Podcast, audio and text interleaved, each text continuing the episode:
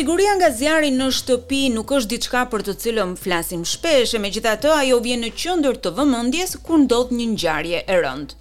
Të qenit të sigurt dhe mbajtja e familjes larg rrezikut kërkon njohjen e rreziqeve dhe marrjen e të gjitha masave të nevojshme për të shmangur një shpërthim zjarri brenda shtëpisë. Ndjekim raportin.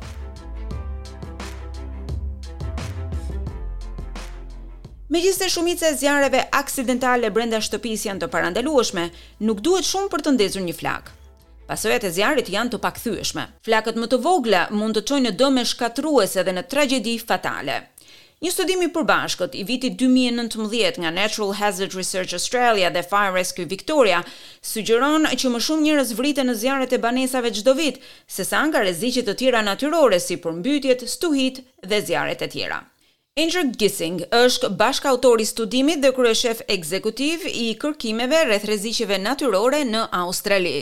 Sipas tij, gjetjet e raportit thanë se vdekjet e parandalueshme dhe siguria nga zjarri mbetet shumë e rëndësishme.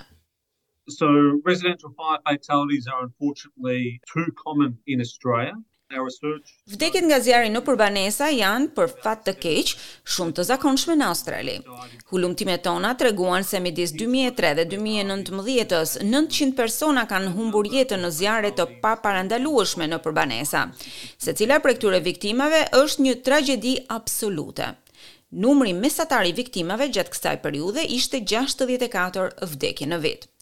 Hulumtimet gjithashtu treguan se shumica e zjarreve fatale nëpër shtëpi ndodhin gjatë dimrit, për shkak të përdorimit të pasigurt të pajisjeve apo metodave të ngrohjes. Autoritetet zjarrfikëse i bëjnë thirrje njerëzve të përdorin pajisjet e ngrohjes në përputhje me praktikat e rekomanduara nga prodhueset. Kjo do të thotë se duhet të shmanget përdorimi i pajisjeve të ngrohjes së jashtme në ambiente të mbyllura, përfshirë këtu edhe ato që përdorin rruazat e nxehtësisë ose gaz të lëngshëm të naftës. Gissing thotë se pajisjet e ngrohjes të krijuara për përdorim të jashtëm nuk duhet të përdoren në ambiente të brendshme. Ato mund të sjellin edhe helmim nga monoksidi i karbonit.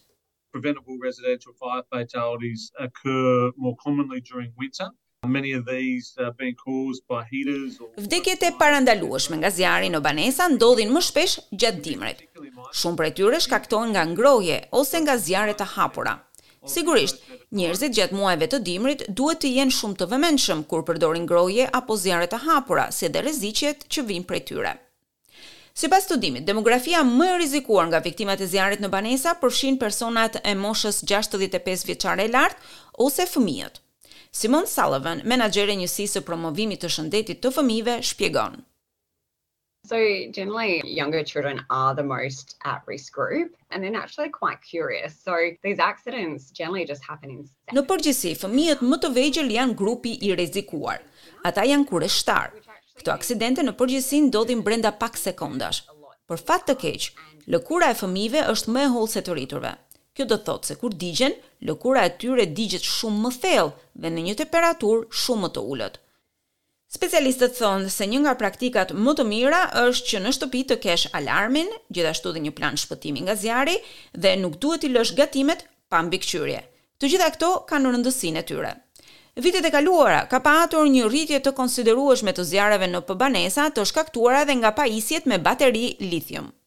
Zoti Halverson thotë se këto zjarre janë të parandalueshme nëse të gjithë janë të vetëdijshëm për rreziqet që sjellin këto pajisje. Largely the problem is occurring during the battery charging process.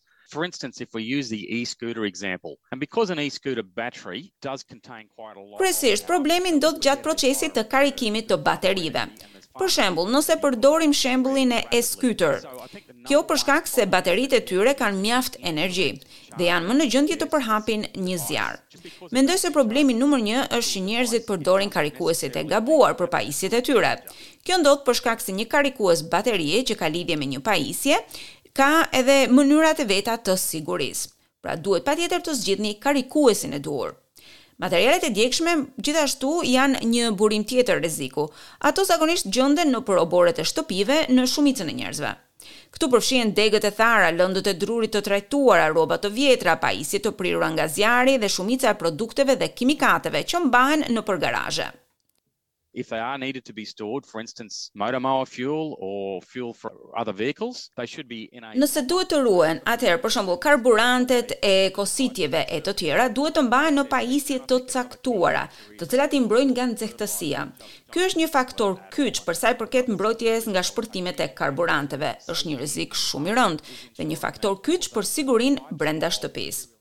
Ndërsa alarmet e tymit nuk parandalojnë zjarret, ato i japin njerëzve mundësinë që të njohin menjëherë rrezikun që vjen nga një zjarr i mundshëm brenda shtëpisë. Zoti Halverson thotë se nuk duhet të përpiqeni të shuani zjarrin nëse nuk jeni të përgatitur. Having properly working smoke alarms is a really key factor in ensuring safety for ourselves and our families in our homes. And if people are confident and have the right Pasja e një alarmi të tymit që funksionon, duhet të jetë një faktor kyç për të garantuar sigurinë për veten dhe për familjet. Njerëzit kanë besim dhe pajisjet duhet të jenë ato që duhet, në mënyrë që t'i japin atyre mundësinë të dalin nga shtëpia përpara rrezikut. Unë do të sugjeroja që personat që nuk kanë pajisjet e nevojshme të alarmit duhet që patjetër t'i marrin ato sa më shpejt që të jetë e mundur, e në rast zjarri të telefonojnë zero zero zero për të kërkuar ndihmë. E një masë tjetër që duhet të merrni është që të informoni fëmijët tuaj në lidhje me rrezikun që vjen nga zjarri. Edhe ata duhet të dinë se ku duhet të telefonojnë në rast rreziku. Edhe pse biseda me fëmijët mund të jetë e frikshme, një gjë e tillë duhet të bëhet. Mjafton që të bëhet në formë loje, në një formë informimi, e cila do t'i pajisë ata me aftësitë e nevojshme që të dinë se si të reagojnë në rast rreziku.